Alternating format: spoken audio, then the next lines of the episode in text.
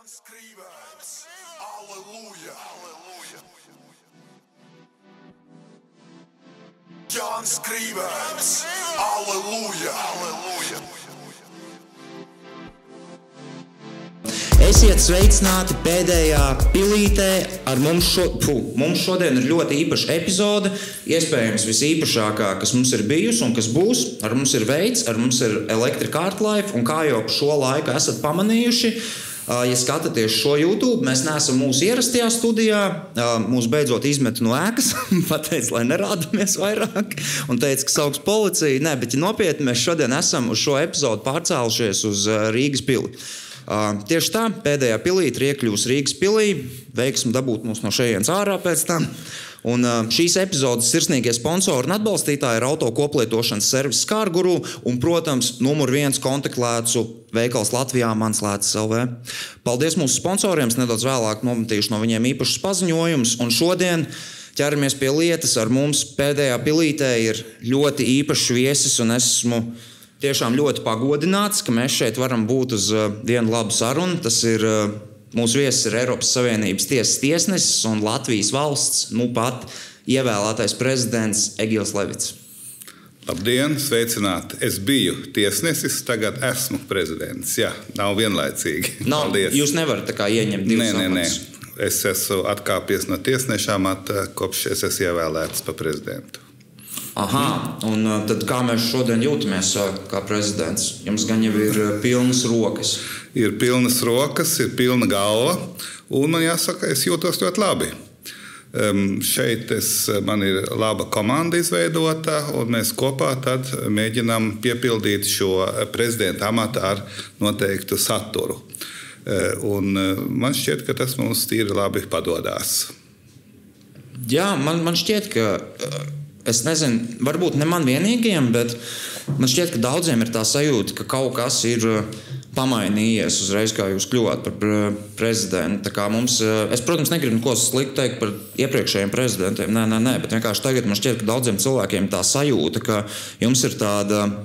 Spilgta personība, ja tā var teikt, jums ir personība, varbūt viņa lielāka. Tāpēc daudziem ir tā, nu, viņi jūt, ka, ka ir nācis kāds klāt. Jauns. Nu, tas, tas ir jūsu vērtējums. Es, to, ir. es nevērtēšu jūsu vērtējumu. Kā, bet katrā ziņā katram prezidentam ir savas. Uh, domāšanas veids, savs domāšanas virziens, savs stils, un neviens prezidents nav īsti līdzīgs citam prezidentam. Un mums ir bijuši virkne prezidentu, un katrs ir ar savu uh, stilu un uzspiedis savu zīmogu šim amatam. Un, protams, arī man būs, vai man ir savs stils un, eh, un ar manu, manu virzienu, tad es mēģināšu šo amatu piepildīt. Kā teikt, Ozols, tas ir stils, stils, stils.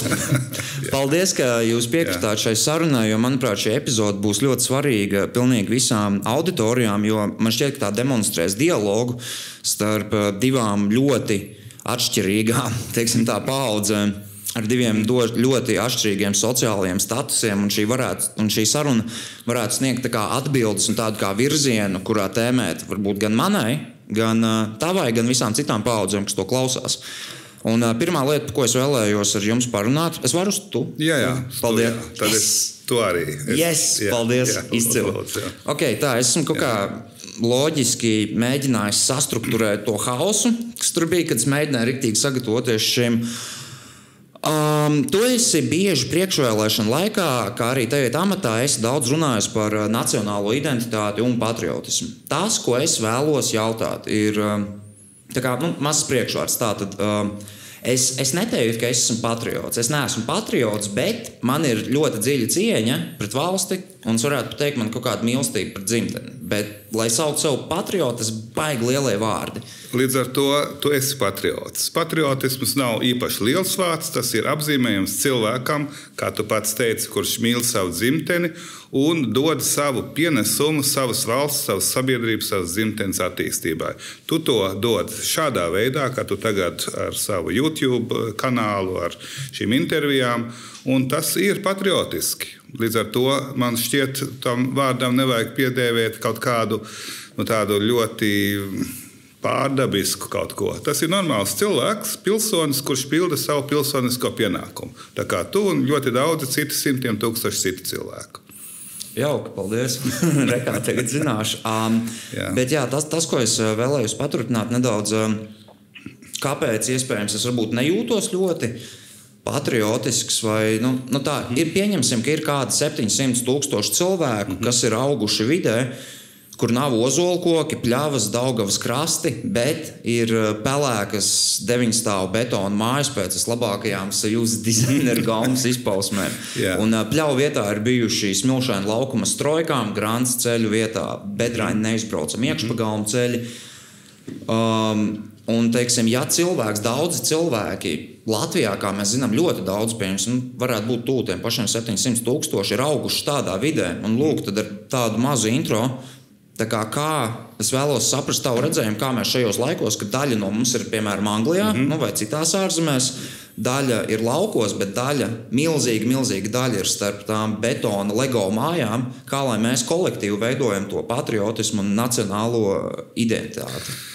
Latvisko identitāti Jā, atvainojiet. katrs cilvēks ir personība pati par sevi. Un personības ar līdzīgiem ideāliem un līdzīgiem sapņiem var apvienoties šī sapņa vai šī ideāla īstenošanā. Un tas ir pilnīgi vienalga, vai tu esi teiksim, šajās augstceltnēs, es neteikšu noteikti rajonu. Tā mēs zinām, vai tu esi Anglijā, lasi zemenes vai kaut ko citu dari, vai dzīvo Rīgas pilsētas centrā. Ja tev ir konkrēts vai konkrētāks vai mazāk konkrēts priekšstats par to, kā mēs gribam dzīvot, kāda kādai būtu jābūt mūsu valstī un mūsu sabiedrībai, tādā gadījumā, ja tev ir jau šis uzstādījums, tādā gadījumā mēs ar tevi runājam, nu, kā mēs to varam sasniegt. Un tas ir šis demokrātiskais process, kur piedalās eh, visi dažādās, eh, dažādos veidos, katrs savā vietā un visi kopā, lai šo eh, ideālu veidot. Es gribētu uzsvērt to, ka bez ideāla politika nav iespējama. Tā būtu mazjēdzīga. Nu, ne tikai mazjēdzīga, tā būtu bezjēdzīga. Tagad tev ir jābūt zināmam ideālam, un faktiski arī individam dzīvot bez kaut kāda ideāla ir garlaicīgi, es teiktu vienmēr uz kaut ko jātiecās. Tu tiecies uh, individuāli kaut ko sasniegt, kaut ko izveidot, bet tu tiecies arī kopā ar citiem, lai veidotu sev patīkamu vidi, sev patīkamu sabiedrību. Un, uh, tādēļ es domāju, ka arī tas, ka mēs dzīvojam gluži konkrēti ļoti dažādās vidēs, es neredzu tur nekādu īpašu ķērsli, lai mēs vienotos kopējā darbībā.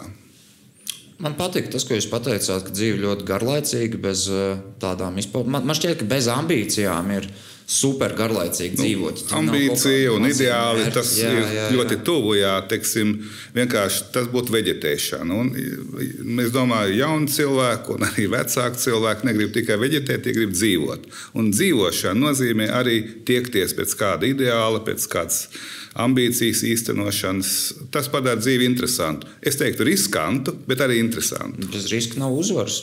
Visur, man šķiet, ka visur, visur ir jābūt iekšā kaut kādam riskam. Man liekas, mēs esam daļēji izveidojuši varbūt kaut kādu daudz sūdzu par to pasauli, kas ir tik ļoti droša.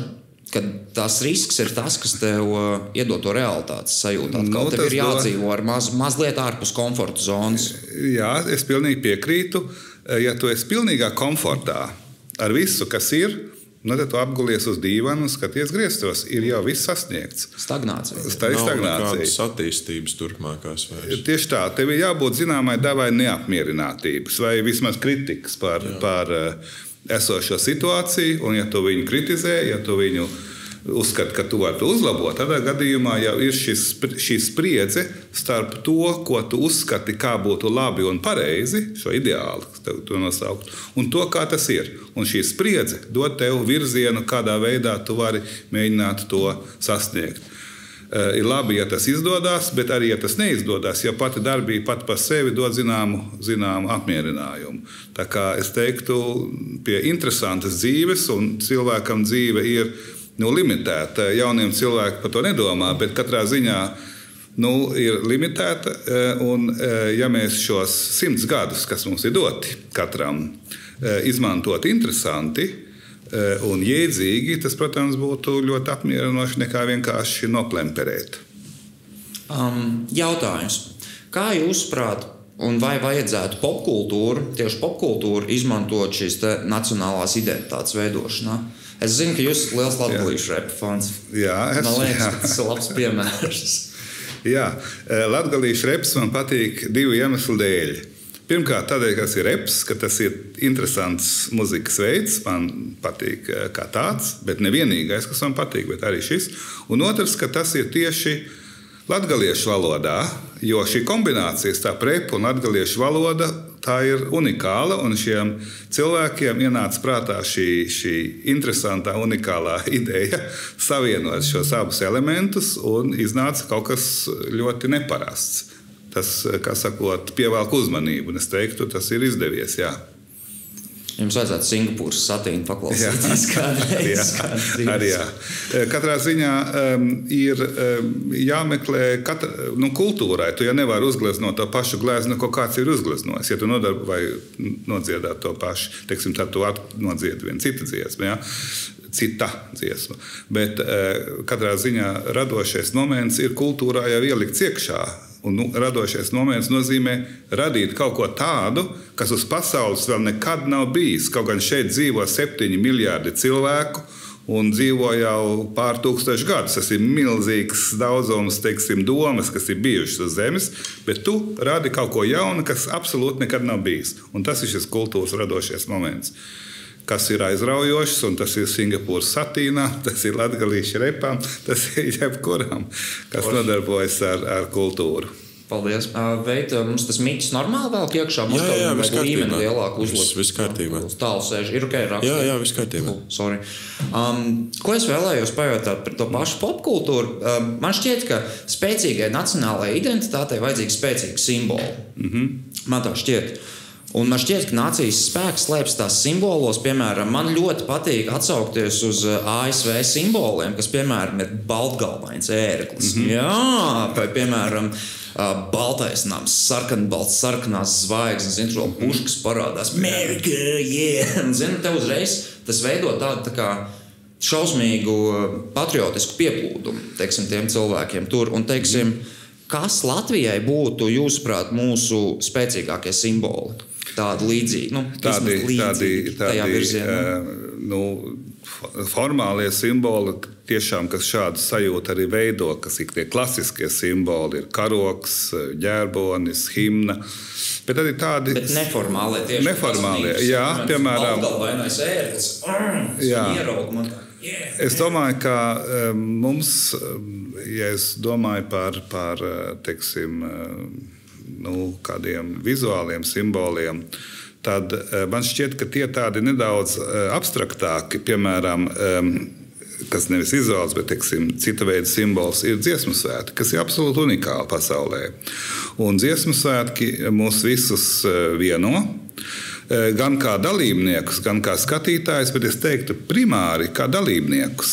Jo ir svarīgi piedalīties. Ir šis radošais moments. Nevis tu tikai sēdi. Es man jāsaka, dziesmu svētkos gan beidzamā laikā sēžu un skatos, kas, protams, ir liels baudījums.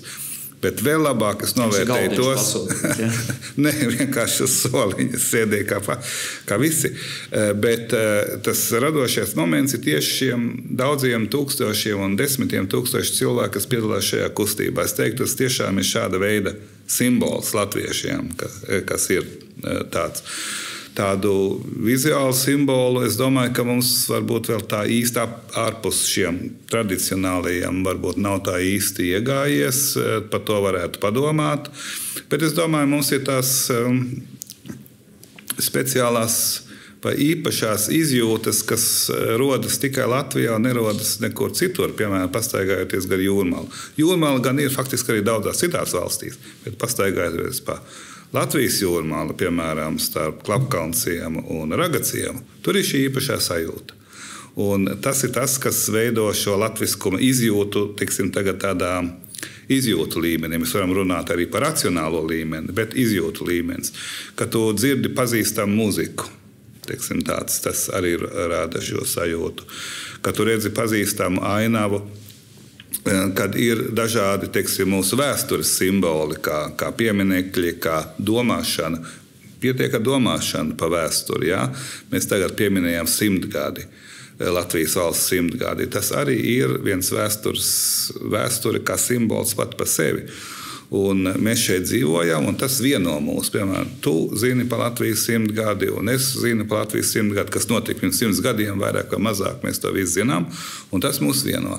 Ja mēs aizbraucam, piemēram, uz, nu, nezinu, uz Togo, Āfrikā, viņi par to nezinātu. Nu, normāls togietis to nezinātu. Kāpēc to viņi zinātu? Kāpēc viņi zinātu? Un kāpēc es domāju, ka daudz cilvēku Latvijā nezina par Togo vēsturi, piemēram, ka tā agrāk bija Vācijas kolonija. Tas ir grupa Toto Afrika.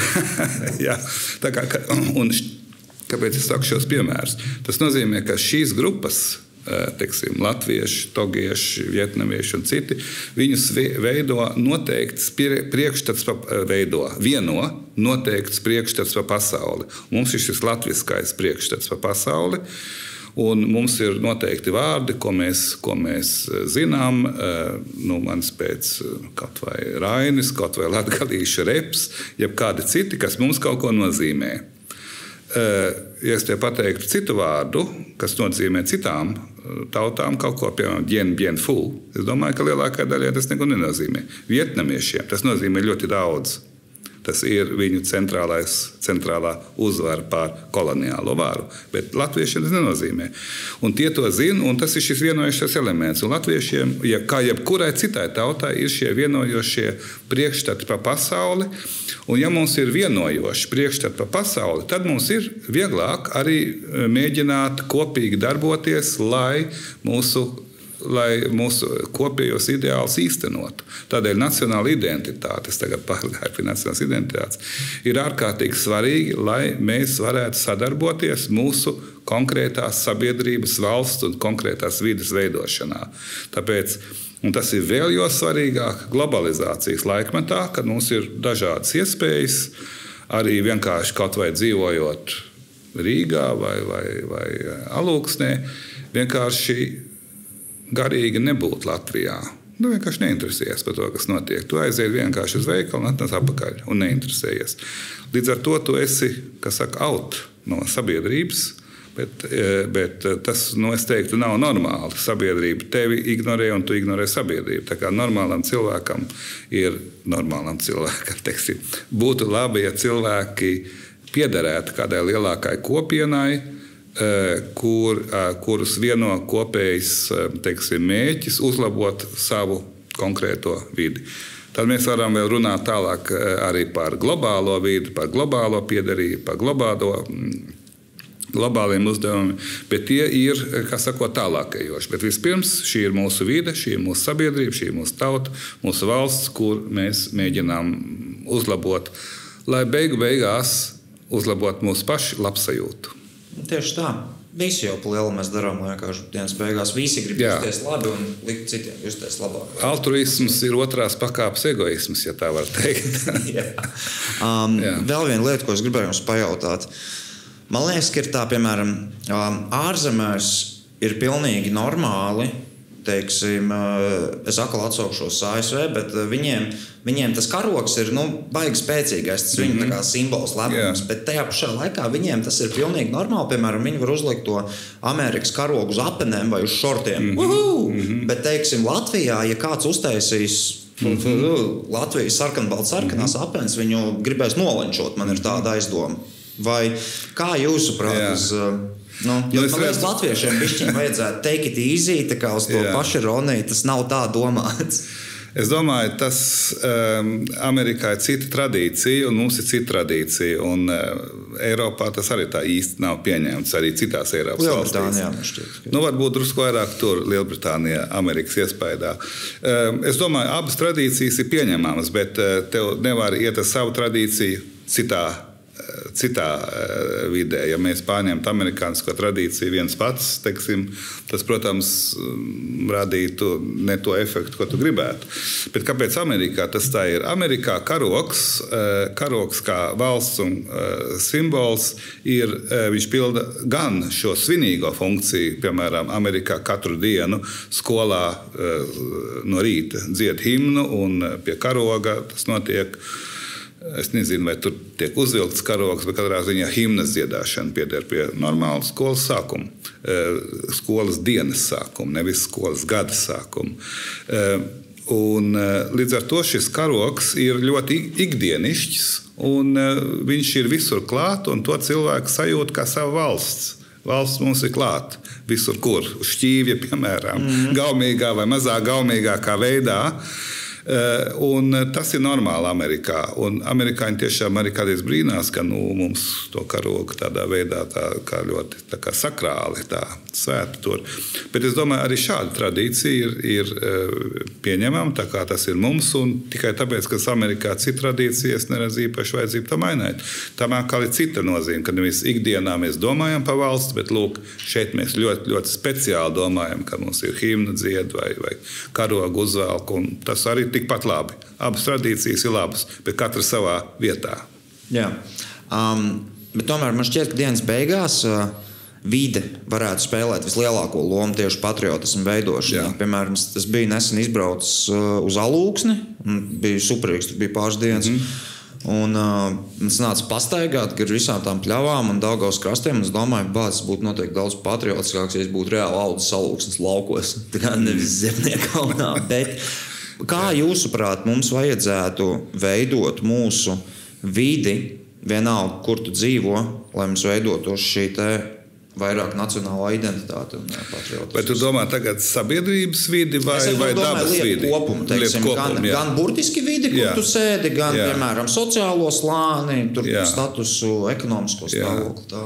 Nu, man jau šķiet, ka um, mēs dzīvojam uh, teiksim, globalizāciju. Atvainojos, pārtraucu. Un vēl tas, ko jūs iepriekš teicāt jā. par globalizāciju, arī. Jo jā. tomēr globalizācija un viss tas informācijas mm -hmm. milzīgais apjoms cilvēks šobrīd uzņem piecas reizes vairāk informācijas mm -hmm. dienā nekā pirms uh, desmit gadiem. Jā. Kā lai paralēli tai visam troksnim, ja tā var nosaukt. Jā. Tieši tā. Jā. Tieši tā. Lai tu šo troksni no trokšņa, lai, lai troksni padarītu par mūziku. Teiksim tā un šo informatīvo, eh, kas sakot, milzīgo haosu un, un šo daudzumu padarīt par kaut ko jēdzīgu, nu, ar ko tu vari lietot, tev ir vajadzīgs instruments. Un šis instruments ir e, pasaules redzējums, jeb struktūra, kā tu struktūrē pasauli. Un tā ir atsi, atšķirīga dažādām sabiedrībām. Amerikāņi redz pasauli citādāk, nekā latvieši. Vienkārši tādēļ, nevis ka viņi būs citādāk cilvēki, bet tādēļ, ka viņu domāšanas veids ir strukturēts citādāk caur citu informācijas, teiksim, tādām informācijas saturu, kas viņiem ir.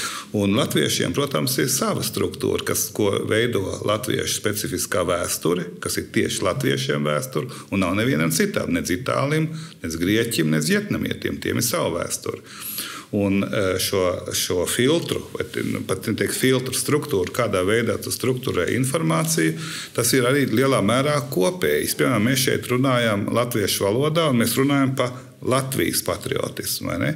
Tas jau pats par sevi ir viens fakts, ka mēs piedarām pie vienas kopienas, ja mēs šeit runājam tieši par Latvijas patriotismu un nevis par Itālijas patriotismu. Ne? E, tas ir šis veids. Tagad globalizācijas laikmetā, ka šis e, informācijas, e, šī informācijas plūsma kļūst daudz intensīvāka, ir svarīgi tas, ka šis pasaules struktūrēšana, ja, kas ir domāšanas veids, kļūst daudz svarīgāk, lai tu vispār varētu jēdzīgi darboties. Ja tu vienkārši skatītos, kas tev ienāk tavā interneta plūsmā vai, vai televīzijā, tu neko jēdzīgu nevarētu izdarīt. Tas nozīmē, tev ir jāfiltrē. Tev ir jāfiltrē. Un šis filtrs šī struktūra, kas veidojās, tas veidojas mūsu sabiedrībai, ir vairāk vai mazāk kopējs, un tāpēc mēs šo informatīvo gūzmu filtrējam līdzīgi, un mums sanāk līdzīgi rezultāti. Un tas ir, es tagad mēģinu to tā vairāk socioloģiski izskaidrot, tas ir tas, kādēļ nacionālā identitāte. Un es saku, šī, ka tas, ka mums ir līdzīga struktura, līdzīgi strukturēta pasaule, ko mēs to redzam, tas nozīmē, ka mēs piedarām pie vienas nacionālas kopienas. Un tā kļūst. Un jo vairāk tev šī jo vairāk tev šī informācijas eh, plūsma gāžas virsū, jo svarīgāks kļūst tas, kā tu eh, strukturē šo informāciju. Un tādēļ šī nacionāla identitāte ir automātiski kļūst svarīgāka, lai tu varētu jēdzīgi darboties, lai tu varētu jēdzīgi nodzīvot savu dzīvi, lai tu varētu jēdzīgi veidot savu vidi piemēram, savu vidi, kas ir vairāk vai mazāk jau teiksim, fiziski ierobežota. Bet tas neizslēdz to, ka tev jādomā arī globāli. Piemēram, par globālām problēmām, kur vienalga, vai tu dzīvo Āfrikā, vai Latvijā, vai Latvijā-Amerikā, ir tā pati problēma. Un, teiksim, šāds milzu super problēma eh, tagad ar vien vairāk izkristalizējās klimata maiņa, kas varbūt mūsu latviešiem vēl nu, šķiet, varbūt interesanti, labi, tev ir 30 grādu karstums, kas, kas ir viegli pār, panesams tur tās pārdienas.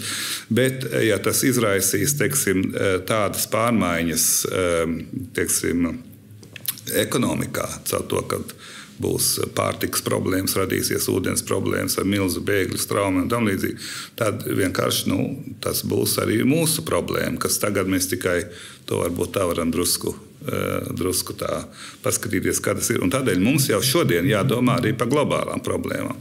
To es gribēju teikt. Un tas arī, ja tu esi Latvijas, tu nedrīkst domāt savas sēdes robežās.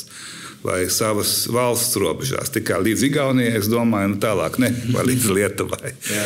Tev ir jādomā vienlaicīgi, vienlaicīgi arī Eiropas eh, mērogā un arī pasaules mērogā. Un tas ir tas, kas, manuprāt, um, izceļ vai veido moderno latvieti. Modernais latviečs domā par savu tiešo valsti, apkārtni, sabiedrību, kuru tam visvienkāršāk ir ietekmēt. Nu, ja tu neesi apmierināts ar politiku, nodarbojies pats ar politiku. Labs piemērs Um, bet uh, teiksim, tev vienlaicīgi jāskatās, lai mūsu politika, lai tava paša rīcība, uh, kā sakot, būtu vērtīga arī Eiropai un katrā ziņā arī nesabojātu vīdu pasaulē. Tā kā tu, tev jādomā, es teiktu tā, vismaz trijos līmeņos - valsts līmenī, Eiropas līmenī, globālā līmenī. Bez tam, ja tu vēl tālāk domā, tad vēl mikro līmeņos. Te jādomā arī savas vietējās pašvaldības, savu vietējā ciema, savu vietējā mikrorajona, savas ielas līmenī un beig beigās sava dzīvokļa līmenī.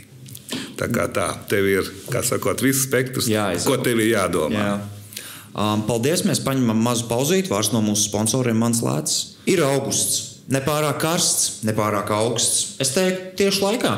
Pēdējais vasaras mēnesis pirms atgriešanās uz skolu, studijām, varbūt pat darbu, ja esi atvaļinājumā, ja tev jāiet atpakaļ uz darbu, tu esi nedaudz saskumis, ja tev jāsāk vai jāturpina studijas, tu esi nedaudz priecīgs. Lai kāds būtu tavs garstāvoklis, es zinu, kā viņu padarīt vēl labāku. Saki man, vai tev ir apnicis, ka kaut kas visu laiku ir uz deguna un pie deniņiem? Vai tev ir apnicis, ka jau gadiem nekas nemainās tavā imidžā, tavā sejā, tavā personībā? Man ir izcinājums. Kā būtu, ja tu savā dzīvē ielaistu mazliet kontaklētas? Um, vienalga, ko par to tu esi dzirdējis, jo visdrīzāk tu esi dzirdējis to pilnīgi nepareizi. Ir 2019. gads, mums ir skaistas, perfektas, mīkstas un praktiski nejūtīgas kontaktlētas visiem acu tipiem. Silikons ir tik plāns, ka grūtāk ir saķemmēt matus smuki nekā ielikt kontaktlētas. Man te ir vēl viens fantastisks piedāvājums. Ja tieši šobrīd sēdi brillēs, Tātad visiem manas lētas, manas lētas LV, visiem pēdējās pilītes klausītājiem ir sarūpējuši 30% atlaidi. Es atkārtoju, 30% atlaidi apmeklējumam pie optometrista un pirmajām kontaktlēcām. Negaidi brīnumu, negaidi pusmūža krīzi, negaidi draugs vai drauga ieteikumu. Piesakies tagad, dodies uz manas lētas LV, ej iekšā manas lētas ātelpa, piesakies redzes pārbaudēji, izvēlies iesācēju komplektu. Uh, mēs to darām internetā, jo kurš gan grib zvanīt mileniāls vai nezvanīt, tas tāds old school. Um, rakst savu vārdu, rakst savu uzvārdu, e-pasta tālruņa numuru, izvēlēs datumu vizītei un, protams, lokāciju un piesakies. Tad tu tālāk pie groza ievadi atlaižu kodu Krivenčī, un bum, tev ir 30% atlaide. 30 eiro vietā tu maksāsi tikai 21 eiro uh, par redzes pārbaudi un savām pirmajām kontaktlietām. Tas ir, tā ir zakšana. Es nesaprotu, kā viņi pelna no tā. tā kā atklāti sakot, es, es nesaprotu, kā var no tā dabūt peļņu. Uh, ko tu saņemsi, izmantojot šo pakalpojumu? Tu saņemsi pilnu redzes pārbaudi, tev forši apčupinās, tev iemācīs lietot un pareizi ielikt kontaktlētas, tev paturēs rociņu un tev iedos pirmo kontaktlētu pāri, un tu saņemsi arī kopšanas šķidrumu. Šis piedāvājums ir tik lēts, ka es tiešām nesaprotu, kā viņi pelna. Piesakies tagad. Es pats staigāju kontaktlētās nu jau 3-4 gadus, un ja man nebūtu kontaktlētas, man drīzāk nebūtu draugs. Man drīzāk nebūtu visi šie kontakti, un man nebūtu daudz gan pašpārliecības un self-esteem, lai darītu visu, ko daru tagad. Bet man patīk arī, protams, staigāt brillēs. Es nešēmoju visus brīļu cilvēkus. Es pats staigāju brillēs katru vakaru, pa dienu staigāju kontaktlētās. Um, un es dievinu nesāt saules brilles, tas, tas kāpēc es staigāju kontaktlēcās. Un, um, Es nevaru vairāk savu dzīvi iztēloties bez tām. Es arī ļoti ilgi meklēju attaisnojumus un kaut kādas vedas dogmas, kāpēc man nepamēģināt kontaktlētas, līdz beidzot saņēmos, aizgāju pārbaudījos, un bum, vecīt, 4K redze, Full HD tieši šeit, bez stikliem priekšā. Es atkārtoju, tu nekur nedabūsi tik lētu piedāvājumu. Tikai 21 eiro pēdējās pilītes klausītājiem. Ieved kodu Krivenčī pie checkout un pamēģini kontaktlētas. Es zinu, ka visdrīzāk tevi slikti redz, jo mēs vairāk laika pavadām šobrīd pie ekrāniem nekā skatoties kaut kur ārpus tiem. Tāpēc beidz mocīt savas acis un vienkārši piesakies redzes pārbaudēji. Uh, 21 eiro, tās kādas 3-4 rumkolas vecrīgā, ka man to var atļauties. Kods Krivenčī, paldies manas lētas salvē. Ok, uh, paldies, esam atpakaļ. Mēs esam atpakaļ. Um, tev nešķiet, ka Latvijā ir jaunības kults? Kas man liekas ļoti ironiski par spīti tam, ka mums ir samērā novecojoša sabiedrība. Katrs tāds bišķiņu paradoks. Um, jā. Redzi, es domāju, ka nu, jaunības kults um, tas varbūt drusku pārspīlēt. Ir, tas ir apmēram kaut kas līdzīgs Latvijā, tāpat kā jebkur citur, vai nu pasaulē, vai katrā ziņā Eiropā. Uh, bet es domāju, ka katrai paudzei ir sava vieta sava vieta un savs laiks. Un, eh, ja mēs runājam par kopīgo vidi, Mūsu kopīgā vidē ir gan ļoti veci cilvēki, gan pavisam maz zīdaiņi. Un mums jādomā tā, lai mūsu rīcība ir, eh, sakot, nediskriminē vienus vai otrus, bet iesaista gan Es tagad gribēju teikt, iesaisti zīdaiņus, nu, netiešā veidā, varbūt jāatcauc viņu vecākiem konkrēti, un iesaista arī e, seniors, un, protams, vidējo paudzi, un drusciņu jaunāku paudzi, studentu paudzi, tad, teiksim, tie, kas drīz beigs darba dzīvi. Kā, e, tas pieder pie, e, manuprāt, tāda, tāda labi, labi funkcionējušas sabiedrības. Jo beigu beigās tu jau iziesi cauri visiem šiem posmiem, visiem, visiem šiem posmiem. Un nebūtu labi, ja tagad tev būtu, kā sakot, e, nu, kā sakot tagad starp 18 un manas pēc 27, tev būtu visas iespējas un viss tā, un sākot ar 28, tev ies tikai uz leju vēl. Es domāju, ka tas nav labi. Tas pie, pie dzīves pieder, ka tev ir. sākas pēc 40. Dzīve sākās ar nulli, un, un, un eh, kā sakot, dažādi vecuma grupas, dažādas paudzes viņām ir eh, ne tikai jāsadzīvo, bet jāsadarbojas, lai eh, visām paudzēm būtu, būtu labi. Jā. Um, es biju vienā no iepriekšējiem podkāstiem, pišķiņā parunājis par tādu lietu kā informācijas burbuļi. Mm -hmm. Tieši burbuļi. Jā. Un, uh, ko es vēlējos tev pajautāt, vai tev nav tāda sajūta, ka Latvijas paudzes, piemēram, vecākā, Jā. jaunākajiem dzīvo divās dažādās informācijas telpās, ko, piemēram, parāda bieži vien vēlēšanu rezultāti un pīki. Jā, jā, jā. Nē, es tev pilnīgi piekrītu, ka eh, nu, katrai paudzei jau ir savs arī zināms stils. Un es runāju pašā sākumā par stilu, bet Eh, runas veids, stils, kas ir normāli un dabiski, un tas arī ir, ir, ir vajadzīgs. Un tas rada varbūt arī Tie, kas pieder pie šī stila, eh, tie jūtās tur labāk šajā stilā, un viņiem varbūt ir grūti komunicēt ar tiem, kas pieder pie, pie cita stila. Tas attiecas uz abām pusēm - jauniešiem ar vecākiem cilvēkiem, vecākiem cilvēkiem ar jauniešiem. Taču pie eh, apzinātas un apzinīgas dzīves pieder arī spēja komunicēt ar visām vecuma grupām. Jo es justos ļoti, kā sakot, apdalīts. Ja es varētu runāt tikai ar savu vecumu cilvēkiem un iet tiem arī visu laiku līdzi, ir dažas lietas, kas iet līdzi, piemēram, mūzikas gauma, tev nostiprināsies 20 gadu vecumā, un lielā mērā ies Viņi arī līdzi. nemaz, paliks. jā. Eh, Un tad ir, eh, kā sakot, nu, jāņem arī kaut kas jauns klāt. Tas ir ļoti svarīgi, ka tu visu laiku ņem kaut ko jaunu klāt. Tā kā eh, man šķiet, ka šis burbulis ir, viņš burbulis, es teiksim tā, šis burbulis automātiski veidojās. Tas ir dabiski. Nu, kad tu komunicē ar tiem cilvēkiem, kuriem tev ir tuvākas domas. Bet es teiktu, un tāpēc, ja tu esi apzināts, apzinīgs cilvēks, tev ir apzināti un apzinīgi jāsaka, es pārkāpu šim burbulim. Ja es redzu, ka es esmu burbulī, un mans burbulis nav visa pasaule, ir arī pasaule ārpus mana burbuļa. Un jāiet ārpus savam burbulim apzināti, jo tas nenotiek teiksim, tā dabiski. Lai, eh, kā sakot, panāktu to, ka sabiedrība komunicē viens ar otru. Un tāpēc eh, nu, es, arī, protams, tā skatos, teiksim, kādā veidā eh, jaunāka paudze, kas viņiem interesē, kas, kā viņi komunicē. Un es domāju, arī otrādi tas ir svarīgi. Vēl viena lieta šajā kontekstā ir tas, ka cilvēks iedzimst tajā vidē, kur viņš ir. Ja, vecāki, labākā gadījumā abi, sliktākā gadījumā viens. eh, Un eh, viņš ieaug eh, šajā, šajā vidē. Un tā vide, teiksim, ģimene veido veido šo, šo jauno cilvēku. Un, mums sabiedrībā mēs kā peldām tajā sabiedrībā, un mums liekas daudz lietas pašsaprotamas. Ja? Kaut vai tas, ka mēs varam sarunāties vienā valodā. Bet tā tīri objektīvi skatoties no malas, no Marsa laugoties, tas nav pašsaprotami. Tas ir tāpēc, ka cilvēks socializējas, kā to saka sociologi. Ja? Tas socializējas vai ieaug noteiktā vidē. Un šī ieaugšana noteiktā vidē notiek pakāpeniski. Piemēram, 5 gadu vecumā cilvēka uzskats par pasauli nu, neaptver visu to, ko jūs jau zināt. Tagad, ko tu zini, ja? 15 gadu vecumā jau tojās, bet um, arī joprojām, ja tu atceries sev 15 gadu vecumā, tu vari redzēt, o, es daudz ko nezināju, es biju nu, tāds diezgan pazaļš, vai ne? Ja tu tagad atceries. Nu, tas, tas, es neatceros, kurš to teica, bet 60 gadnieks vienmēr zinās, kā Jā. Tas ir būt 20 gadniekam. Jā. Bet 20 gadnieks nekad nezinās, kāds Tieši ir tā, būt 60 tieši tā. Te ir Ļoti labs, ļoti labs eh, citāts, ko tu teici. Un tas ir jāņem vērā, komunicējot. Piemēram, es nevaru pārmest teiksim, kādam jaunietim, kas nezina kaut kādus vēstures faktus, vai viņš vispār nezina, jo viņam nav bijis laika vispār par to padomāt.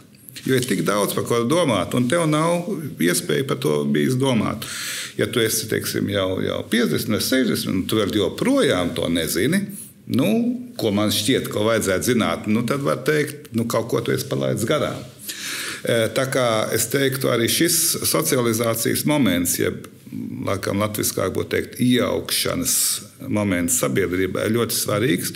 Tas ir e, vienkārši jāņem vērā, komunicējot vai sarunājoties dažādām paudzēm. E, Tādēļ ir ļoti būtiski, ka, piemēram, bieži tā, ka nu, tur, kur ir trīs paudzes, ja, teiksim, kad bērni 10, 12 gadu vecumā sarunājas ar vecākiem, tad uzreiz, kā sakot, iegūst šo veidu skatu. Un arī tiem vecākiem ļoti svarīgi, ko saka viņa desmitgadīgais puika vai meitene.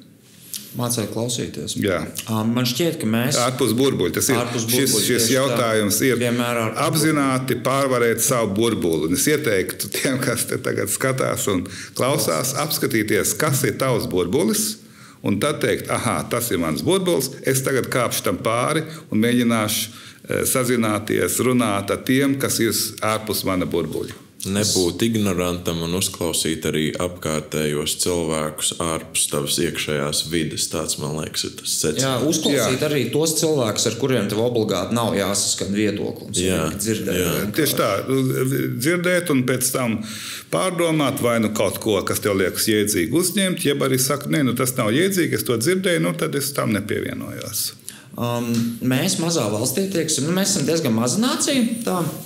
Bet man šķiet, ka mēs, piemēram, konkrēti latvieši, esam šausmīgi sašķelti. Par spīti tam, ka mēs esam diezgan maza nācija. Tas kaut kā parāda to, cik mums šausmīgi daudz politisku partiju, tā saucamo Latvijas Jā. partiju. Un um, tas, ko es vēlējos jautāt, uh, uh, jaunieši aug izteiktā rietumu pasaulē, mūsu vecākās paudzes ir augušas uh, sajūzā. Un man šķiet, ka notiek bieži vien tāds tā kā ideoloģiskais konflikts, kur man ir arī sajūta, ka daudzas vecākas paudzes dzīvo ilūzijā par kādiem imagināri labākiem laikiem. Jo, teiksim, atcerieties, cik visi bija vienoti, kad vajadzēja sadoties rokās, neatkarīgi Baltijas brīvības ceļš. Bet man ir tā sajūta, ka daudzas tieši tās vecākās paudzes, kuras šobrīd pensijā, viņas jūtas pievilktas. Mm -hmm. Tā kā, kā ka Latvija viņus ir pievīlusi, jo ir pensijas mazas, ir šausmīga sociālā nevienlīdzība, viņi nevar savilkt galus. Mēs, nu, mēs visu laiku dzirdam to šausmu stāstus, cik grūti ir teiksim, pensionāriem. Jūs nav tas jau, ka viņi ir pievilkti kā, Jā. kādā mērā, un viņi dzīvo imagināros laikos, kad vispār jau nebija tik slikti kā agrāk. Nu, Es domāju, tu, tu uzrunāji tagad divus mītus. Viens mīts ir tas, ka uh, mēs esam sašķelti, ļoti sašķelti, sašķeltāki kā jebkuri citi. Um, teiksim tā, mums ir, uh, mums ir dažādi viedokļi par dažādiem jautājumiem. Un ir svarīgi, lai tev būtu viedoklis mums abiem un visiem pārējiem. Vied, kopējs viedoklis, pēc, kas, ko, ko nu, ko akceptē pēc iespējas liela sabiedrības daļa, par pamatlietām. Par to, ka mums ir sava nacionāla valsts, par to, ka mums ir nācijas svarīga, ka mums ir valoda svarīga, ka mums ir sava kultūra. Teiksim, šis, ka mēs esam demokrātiska valsts, ka mēs esam tiesiska Un valsts. tīra vide, protams, netaisa Tīra vide un visi šie jautājumi, kas ir vērtība jautājumi. Un, ja tu pajautās cilvēkam uz ielas, vai tu esi par to, viņš teiks, jā, jā, jā es esmu par to. Un, teiksim, tā 90, un es teiktu, 99% teikt, jā, jā, es esmu par to. Kā, līdz ar to mums ir šis pamatu uzstādījums, kas mums ir kopējs. Un, ja mums ir šis pamatu uzstādījums, ka mums ir kopējs, Tad nav tas- tik traki Tad nav tik traki. Piemēram, ja mūsu valsts būtu apdraudēta, teiksim, tādā veidā, ka mums būtu jāsaspiežās kopā, kā tas bija 90. gadā, izcīnot Latvijas neatkarību. Es domāju, mēs arī saspiedāmies kopā un pat tieši fiziskā nozīmē Baltijas ceļš, teiksim, jā. Tātad burtiskā nozīmē arī tās milzīgas demonstrācijas. ar Pusmiljonu cilvēku šeit pa Daugaumā. Iedomājieties, pusmiljonu cilvēku. Katrs ceturtais latvijas atnāk uz demonstrāciju. ne? Tas ir nu, pasaules mēroga rekords, kur piedalās teiksim, ceturtā daļa iedzīvotāji sapulcējies vienā vietā. Um, Tā kā tajos pamatjautājumos, es domāju, mēs neesam sašķelti, mēs esam, esam vienoti.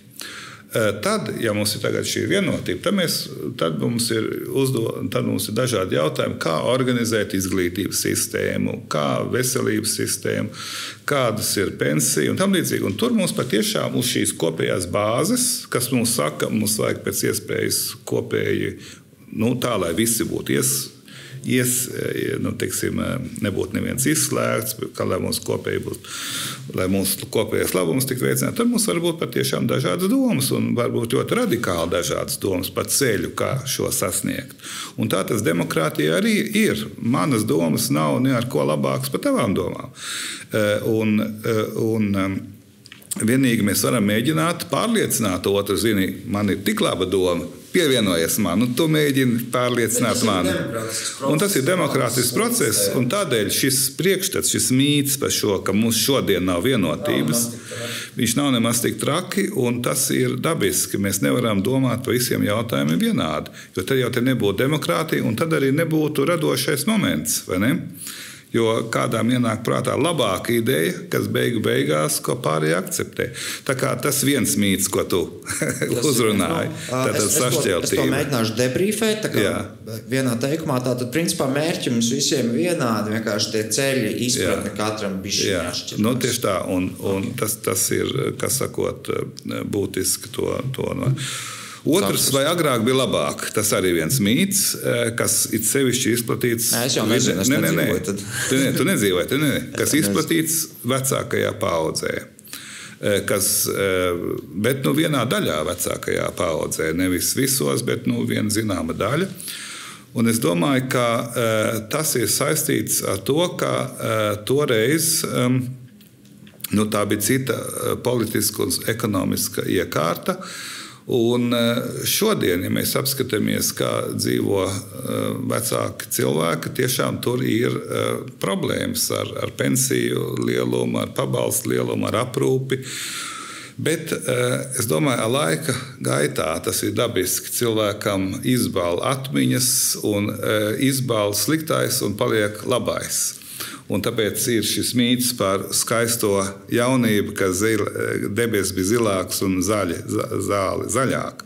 Un tas pats attiecās, ja mēs apskatāmies tā tieši īsti, kas bija Padomju Savienībā. Tur nebūtu nebija labāk, un arī ne pensionāriem nebija labāk. Tā kā tur ir teiksim, šis, šis mīts, eh, šis mīts nu, nav īsti pareizs. un Es teiktu arī, ka to nu, lielākā daļa arī no šīs paudzes, kas tur dzīvo, to, to neuztur. Jā, to mm. neuztur jā. Paldies! Vārds no mūsu sponsoriem, kā ar Guru LV. Būsim atpakaļ pēc pauzes. Vārds no mūsu šīs epizodes sponsoriem, kur ir viens no servisiem, ko es personīgi izmantoju gandrīz katru dienu. Tev nav mašīna, tā nav problēma. Mūsu atbalsta auto koplietošanas servis Skār Guru, kuri atbalsta jau otro pēdējās pilītes epizodi. Un mums ir super liela jaunuma pie super liela podkāsta. Kā ar Guru nu pat ir palaiduši milzīgu atjauninājumu savai aplikācijai. Aplikācijas ā, funkcijā nekas diži daudz nemainījās, gandrīz divus gadus, bet šis update sevī iekļauj ļoti noslīpētu un ļoti nostrādātu dizainu, funkcijas un daudz citus labumus, par kuriem es tev tūlīt bišķiņu pastāstīšu.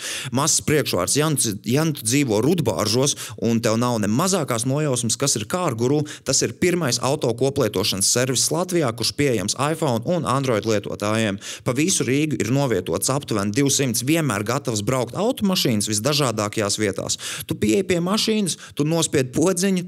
Tas ir tieši tā, kā tas izklausās. Tev atverās durvis, un tu vari sākt braukt.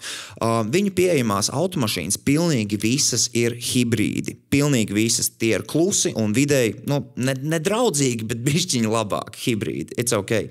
Brauc ar pilnīgi jauniem Toyota, Yaris, Auris, CHR, Corolla un pat RAV4. Tieši tā, šobrīd kā ar guru pieejam arī luksus klases modeļi, kā mans piesauktais RAV4. Personīgi, kad es izvēlos braukt, es vienmēr meklēju Corolla vai RAV4. Corolla man šķiet daudz foršāk vadām un šķiet arī nedaudz dinamiskāk. Tas tāds labs zelta vidusceļš starp visu, nezaudējot ietilpību.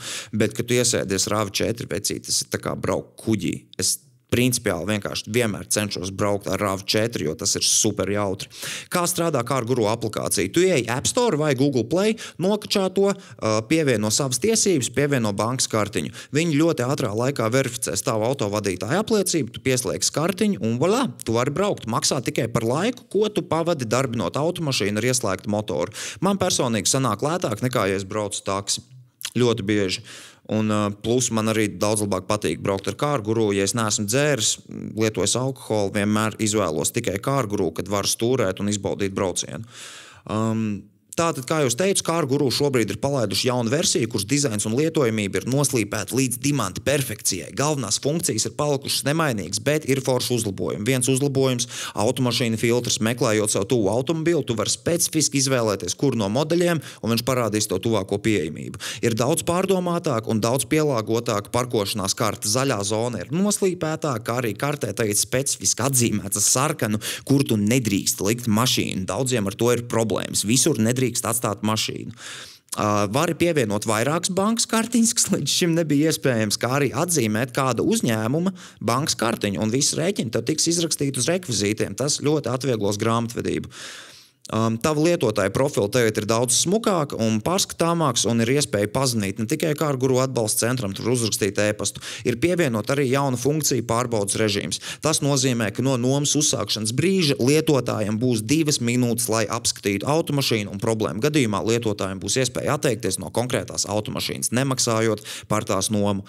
Gaidām arī ļoti forša funkcija kā radars, kas būs pieejama nedaudz vēlāk. Tev vairs nebūs izmisīgi jārefrešo aplikāciju, lai atrastu auto savā tūmā tūmā, ka tev to visvairāk vajag. Aplikācija pati paziņos par tūmā esošajām automašīnām un varēs to laicīgi rezervēt. Šī ir tikai viena maza daļa no atjauninājumiem, un pārējo jums vajag iepazīties pašiem. Lejupielādējiet aplikāciju App Store vai Google Play. Paldies epizodes sponsoriem, kā ar guru. Tagad palaidīsim, nu, ko es. Viens ir man pastāstīt jums kaut ko, vai ne? Otrs ir parādīt. Mēs jums tagad palaidīsim mazu video no tā, kā es testēju jau no kā ar guru versiju, un uh, varēsiet ar to iepazīties mazliet tuvāk un izmēģināt paši. Paldies, kā ar guru! Te ir jūsu boja Krivenčī. Beidzot, es jums parādīšu, kā strādā kārta guru aplikācija. Tas ir pavisam, pavisam ērti un vienkārši. Tātad skatieties, mums šeit ir uh, aplikācija, pieejams visas mašīnas. Mums šeit viņas varam apstīties smukā sarakstiņā, mēs te varam uzlikt filtriņus, te apstīties visas stāvvietas zonas. Ok, tātad mēs apskatāmies, ka mēs esam šeit, tuvākā automašīna. Oh, snap, cik forši! Mēs spiežam rezervēt. Tagad automašīna rezervējas. Mums ir 20 minūtes laiks, lai līdz viņai tiktu. Kāda sagadīšanās, ka viņi stāv tieši šeit?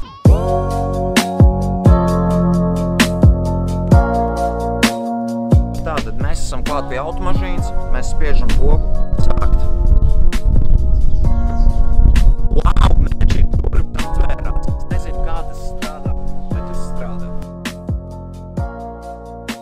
Ja šis ir Jāris, pārējām automašīnām ir starta poga, bet mēs šodien braucam ar Jāris. Wow! Un mēs esam gatavi braukt. Tik jauki. Vienmēr atcerieties. Piesprādzēties, ieslēgt gaismas, noņemt roķeni un ielikt dē. Būtībā, uh, izmantojot kāru guru jau gandrīz divus gadus, esmu ietaupījis pie 300 eiro iegādājoties jaunu hibrīdu. Man nav jāmaksā par oktu, man nav jāmaksā par kasko, man nav jāmaksā par benzīnu, man nav jāmaksā par parkingu. Es ar visu savu ietaupīto naudu braucu ceļojumos.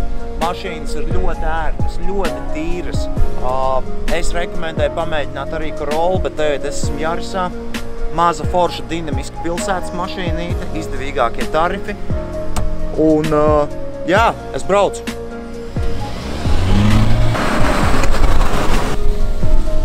Mēs esam nedaudz pavizinājušies. Vienmēr atcerieties izslēgt gaismas, uzlikt roķeni, atslēgu. Mēs atstājam bardačokā.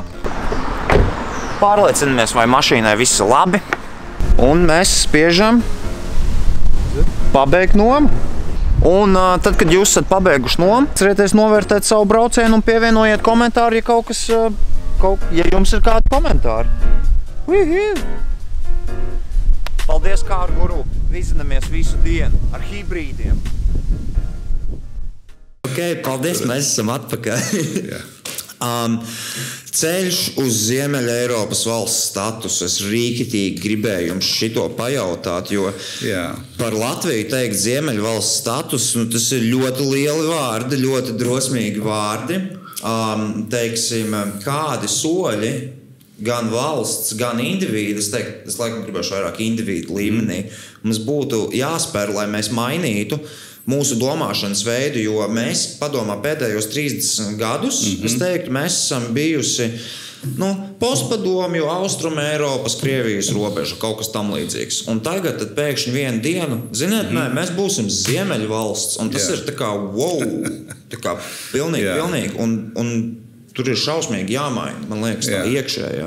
Jo, un kā lai mēs to sasniedzam, ja mēs pat no Igaunijas atpaliekam? Es domāju, ka uh, tur ir drusku jāmaina, bet ne tik šausmīgi. Tas reģionālā identitāte vai reģionālā piederība nav tīri, teiksim, mūsdienās. Katrā ziņā nav tīri atkarīga no, no geogrāfijas. Padomju okupācijas periodā, kad bija slēgta robeža, kad latvieši bija ieslēgti Padomju Savienībā, um, tātad, kad latvieši bija ieslēgti padomju savienībā, tad um, faktiski attālums no Rīgas līdz Maskavai bija uh, lielāks nekā no Rīgas līdz Stokholmai. Nu, joprojām ir tas pilsētas tajā vietā. Bet toreiz Latvijiem, kā sakot, iedomāties, ka faktiski ir Stokholma tikpat tuvu kā Maskava, nu, tas bija kaut kas cits. Tas, Cita pasaule. Cita pasaule. Tu atradies, tas ir tā kā uz mēnesi. Eh, un līdz ar to faktiski tā, tā piederības vai tā geogrāfija tā ir atkarīga no paša uztveres, kas mums ir tuvāks. Vai mums ir nevis, nevis no geogrāfijas, bet no, piemēram, ir tāda liela eh, nu, teiksim, tāda sabiedrības eh, iekārtas grupa, ko sauc par rietumu, ir rietumvalsts. Ne? kas ir rietumu pasaule. Rietumu pasaule. Iedomājieties, rietumu pasaule ir Eiropa, eh, ir Amerika, bet ir arī Austrālija un Jaunzēlande. Kas ir pilnīgi citur, geogrāfiski. Bet viņi jūtas piederīgi rietumiem. Un visi pārējās uzskata, ka kaut gan viņi esat tālu austrumos un dienvidos, viņi ir rietumvalsts. Tas nozīmē, ka tev ir pašam jādomā, kāda ir šī eh, līdzība un kāda ir šī piederība, neatkarīgi no geogrāfijas. Mēs atrodamies šeit, teiksim, tīri geogrāfiski. Nu, mēs jūras, esam bijuši uz ziemeļiem. Jā, uz ziemeļiem, Baltijas jūras austrumu krastā. Eh, Latvija piederēja, teiksim, eh, bija, Rīga bija savu laiku lielākā Zviedrijas pilsēta. Livonija. Nu, Latvija, Latvijas teritorija, teiksim tā, Latvijas teritorijā atradās lielākā Zviedrijas pilsēta pēc iedzīvotāju skaita. Arī eh, būtībā mēs esam eh, ļoti ilgi bijuši Zviedrijas sastāvā, un arī mēs šodien to neapzināmies. Apzināmies kultūru vēsturi. Tad Zviedru tā saucamie zviedru laiki, ko mēs apzīmējam, ir atstājuši ļoti dziļu nospiedumu. Tas pats, protams, arī vācu, eh, teiksim, vācu baltu kultūra. Jā, vācu baltu kultūra. Un eh, faktiski tas, ka mēs esam padomu vai postpadomu valsts, tas ir ļoti vēsturē, ļoti īs laiks. Tas ir no 40. līdz 90. gadam. Tas ir 50 gadi. Jā, big picture mērogā tas nekas tā baigi. tas nekas tā īsti nav. Un līdz ar to es domāju, ka mēs eh, atbrīvojamies no šīs eh, varas, mēs arī faktiski gribam citu sabiedrības modeli. Un šis sabiedrības modelis, manuprāt, ir diezgan dabisks. Ir šis Eiropas vai vēl konkrētāk Ziemeļ-Eiropas modelis. Bet, protams, ar to, ka tas ir latviešu Ziemeļ-Eiropas modelis. Tāpat kā ir somiski un zviedriski ja, Ziemeļ-Eiropas modeļi, kur ir daudz kas kopējs, bet tur ir daudz kas atšķirīgs. Un tāpēc man liekas, ka ir svarīgi, ka mēs lielos vilcienos un vērtības, ka mums ar vērtību sistēma ir līdzīga kā šīm Ziemeļ-Eiropas valstīm vispār Eiropas valstīm, bet mums ir arī šī sava specifiskā latviešu kultūra, latviešu vērtības, latviešu latviešu teiksim, eh, identitāte. Man jau šķiet ļoti, eh, ļoti teiksim, labs un interesants piemērs Šveice vai Bavārija. Tas bijis Nē, diemžēl vēl nē. Tu ieteikti, ne. Tur vienkārši ne tikai kā turistam, bet arī vienkārši nu, kā tur tā sabiedrības funkcionē. Šveice un Bavārijas pavalsts Vācijā ir uh, pasaules tehnoloģijas uh, teiksim, absolūtā avangardā. Tur ir vismodernākās tehnoloģijas ieviestas un eh, ekonomiskās līmenis ārkārtīgi augsts, bet viņiem ir arī ļoti stingras nacionālās specifiskās tradīcijas. Viņi var vienkārši savienot eh, šīs nacionālās tradīcijas. Piemēram, arī lokālās tradīcijas. Šveicē katrā ielā ir savs dialekts, ko viņi rūpīgi kopj un uzskata to par vērtību, ka mums ir 30 dažādi dialekti. Tas, tas ir jaudīgi. tas ir diezgan spēcīgi. Eh, un vienlaicīgi tu esi, kā sakot, pasaules avangardā visādās jomās. Un es domāju, ka kaut kas līdzīgs varētu būt arī latvieši, būt pasaules avangardā dažādās nu, jomās. Pasa mums ir diezgan vērtīga. Pasa, jā, ziņā pasa mums ir eh, labi. Bet arī vienlaicīgi šīs dziļās tradīcijas, jo ar to tu apvieno divas ļoti būtiskas elementus, kas, manuprāt, ir ielikās tādai apmierinā, apmierinātai, apmierinošai dzīvei nepieciešams. Tu piederi pie pasaules, tu neaprobežo savu skatu ar, ar savu valsts robežu, bet tu piederi arī savai valstī, kur tu vari tiešām justies kā mājās. un, un kur tev ir cilvēki, kur runā tavā valodā, kur arī neverbālā vai teiksim, nevārdiskā komunikācija ir pilnīgi skaidrs. Tu pamāji ar aci, paskaties vienā virzienā, un tevi saprot. Uh, viens tāds rādītājs, vai tu esi savā vidē vai nē, ir, vai, vai ja tu pastāsti kādu anekdoti, vai tas otrs smējās, teiksim, tad var redzēt, ka mums ir kopēji šī aizmugure, kas ir Eh, kas eh, šis kods ir. Eh, katrā ziņā tas ir ārkārtīgi svarīgi apvienot šos abus elementus. Daži domā, ka tas nav iespējams apvienot, un to es stingri nolaidu. Daži saka, vai nu tu, kā sakot, esi brīvdabas etnogrāfiskais muzejs šeit, vai tu esi, kā sakot, pasaules kosmopolīts, kur tev nekur nav mājas, bet tu jūties visur labi pasaulē. Tu nejūties visur labi pasaulē, tu jūties Tā kā viesnīcā visur - Pakistānā, un Latvijā, un Nigērijā un Amerikā. Un es domāju, ka tieši šis apvienojums ir tas, kas ir nu, latviešiem būtu ir vērtīgs jau tagad, bet to vajadzētu vēl pastiprināt gan abus elementus, gan šo nacionālu, tradicionālu elementu tiešām uzskatīt to, ka mēs te varam runāt latviešu un latviešu tradīcijas un tajā pašā laikā par kaut ko vērtību. Un tieši tā, un ka tu vari abus divus padarīt spēcīgākus nekā tie tagad ir. Bet vai ekonomiski mēs arī varētu līdzināties Ziemeļu valstī?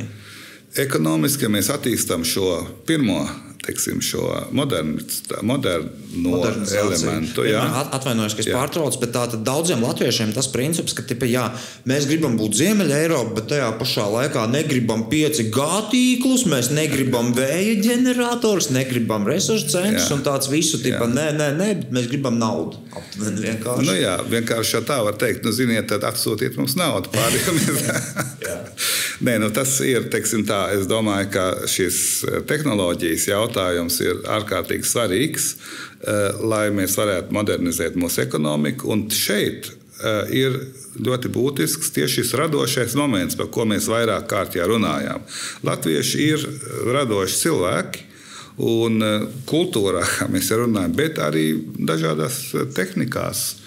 Un šo valsts var tikai veicināt šī radošuma, uh, pārvēršanu, teiksim, ja varētu teikt, vienkārši teikt, eh, vienā tehnoloģijā un līdz ar to arī dzīves līmenī un ekonomikā.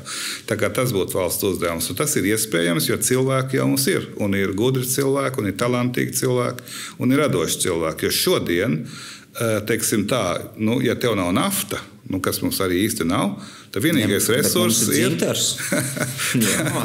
Labi, tu var, varētu salasīt pēc vētras pie liepājas vēl dzintarus, bet eh, būtībā tas resurss ir, ir šie cilvēki. Un tādēļ jāiegulda tieši šajos cilvēkos. Ir, kas arī tiek darīts, un to varētu vēl pastiprināt. Um, nevienlīdzība visā pasaulē ir diezgan milzīga problēma. Jā. Ne tikai Latvijā. Mēs ar draugiem nesen gudri spriedām, ka nākamais lielais karš būs, uh, būs starp sociālajām klasēm, līdzīgi kā badaspēlēs. Vai kā, Jā. kā kaut kādā utopiskā sci-fi filmā, teiksim, Jā. pēc uh, 20, 25 gadiem? Kā jums šķiet, tas scenārijs ir iespējams, ja nevienlīdzība karš tādā veidā arī nebūs, bet katrā ziņā demokrātijas stabilitāte apdraud pārmērīgi liela nevienlīdzība. Viens zināms nevienlīdzības līmenis ir, ir svarīgs un nepieciešams, lai cilvēkam būtu jēga censties. Ja tu vairāk centies, tad tev arī ir labāks dzīves līmenis. Tā galīgi vienkāršot sakot, ja? ieguldi savā izglītībā un, eh, un, eh, un, eh, un tā. Eh, bet, ja šīs šķērs ir pārāk lielas, tā kā tie, kas ir šī šķēru zemākajā daļā, viņi nekad nevar sasniegt to, kas ir vidējā vai pat augstākajā daļā. Līdz ar to rodas šī neapmierinātība, šī atstumtības izjūta, kas, protams, samazina šo solidaritāti savā starpā, lai mēs veidotu kopēju teiksim, nākotni. Un tādēļ šīm šķērēm ir jābūt optimālām. Tas nedrīkst būt pa lielu, nedrīkst būt arī pilnīgi pa mazu. Ja? Teiksim, viens tāds modelis bija nu, priekš tevis, tas varbūt jau ir sen vēsture, bet, bet bija Ķīnā Mao laikā, kad visiem arī bija vienādi vienādi jāstaigā, vienādi ģērbti visi bija. Vīrieši un sievieši tie zilajos, zilajos kombinezonos. Tā bija pilnīgi vienlīdzība, kas, protams, ir pretrunā cilvēku dabu un cilvēku uzdevumu. Tā kā ir jādod optimāls. Un es teiktu, ka mums šī nevienlīdzība ir tomēr pārāk liela un to vajadzētu samazināt. Un nevis tādā veidā, ka pārdalīt, nu, ne pirm, primāri pārdalīt, bet veicināt izredzes tiem cilvēkiem.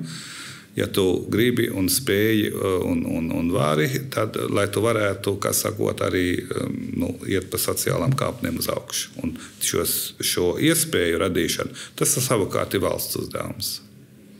Paldies! Uz tādas skaistas notas, domāju, mēs arī noslēgsim. Ja jūs šo klausījāties Apple podkāstā, lūdzu, ielieciet 5 zvaigznītes, ja YouTube ielieciet lūdzu īkšķīt uz augšu. Milzīgs paldies, Levita kungs, ka jūs piekritāt uz šo sarunu. Es domāju, ka šis bija ļoti interesanti gan man, gan jums. Jā, man bija, man bija ļoti, pieredzi. ļoti interesanti. Mēs vēl un... kādreiz parunāsim, vēl man vēl ir tēmas, jau ceļam rodas galvā. jā, jā, ļoti labi. Teiksim, tiešām tas ir labs formāts un, eh, un eh, vērtīgi. Bišķi, tā, parasti mēs ir, garāku bišķi taisām, jā. bet es saprotu, ka jums ir super jā. limitēts laiks, tāpēc es esmu jebkurā gadījumā ar komandu super jā. pateicīgs jā. par to, ka jūs vispār jā. varējāt arī atvēlēt jā. šo jā. visu mums. Un, jā. Un, Milzīgs paldies! Jā, un, lai jums veicās! Un, klausītājiem, skatītājiem veicās. Un tad līdz citai reizei uzredzēšanos. Jā. Uzredzēšanos. Paldies! Paldies